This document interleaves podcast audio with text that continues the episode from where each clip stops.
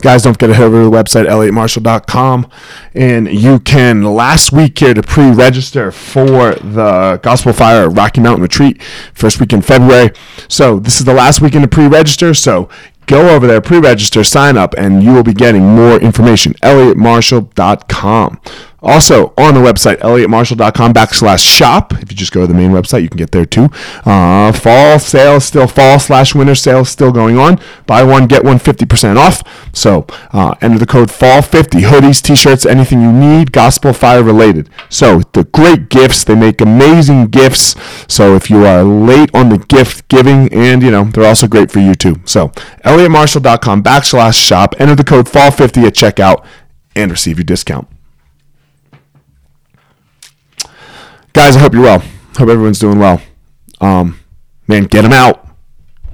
It's the title of the, the, the episode here. Get them out. What am I talking about? Get all the negativity and all the people that don't add to your life, get them out of your life. I'm not saying people that challenge you. Challenge is amazing. Okay? You might not like the challenge, but all the people that aren't adding to what it is you do, aren't helping you and pushing you along your journey, all the people in your life that don't fill your cup, look, they might be work. Let me give you an example. Um, I recently had to have the fight team uh, step out of my facility, um, you know, and be like, guys, you're gonna ha- you have to find somewhere else to train because it never wasn't uh, it never wasn't an issue in some way for me. It, it was it was always a cup draining issue, is what it came down to. And I, I was I was about to make a different decision. I was about to become the head coach again of of the fight team. And I was sitting there and I was talking to my therapist and, and telling her this, and she just sat. She just looks at me and goes, or she doesn't look. Yeah, she looks at me over the screen, you know, and goes, Elliott, what are you doing? And I was like, Well, what do you mean, Gail? She's like, There isn't a thing about becoming the head coach of the fight team that you've expressed in the last year of the way you want your life to move. Every time you mention it, it your, your face sinks. Not my fighters. Not not the not not the Montanas and the Mirandas and the Drews and the Annas and the Danas and, and the Loses and the Sebastians and, and, and, and all the other host of people that, that, that come and show up for battle. You know? With with me, not not them, not all the students at Easton, you know, that that show up on Tuesday and Thursday nights. Even though they all everything comes with issues. There's there's no not issues, but not them, not that.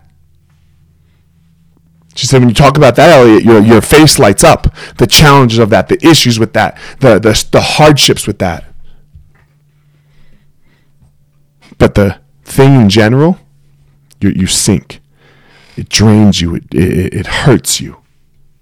Not physically, but it, it pulls it, it pulls you down. So she goes, well, if you can get past your ego of why you would ever want to do this again, then yeah, maybe we can do it again. But I couldn't get past my ego when she asked me that question to get past my ego of being the head coach of, you know, a top five fight team in the world. So I needed it out of my sight. I needed it off my plate. I needed to not deal with it. It was better for better for me, better for Easton. Tough conversation, not easy, not fun, uncomfortable, sad. But I had to get him out. So you get him out. Whatever whatever that thing is for you. Whoever those people are for you. And it's not necessarily their fault. I would never say, man, I want the best for all of those guys. I want the best for everyone. It's better for, for them too.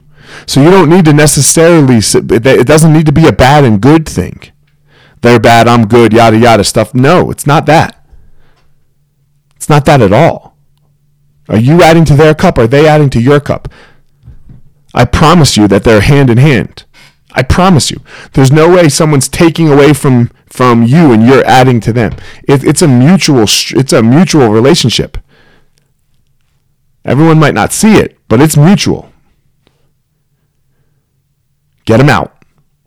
Get them out so you can discover your passion, find your power, and give your purpose to the world.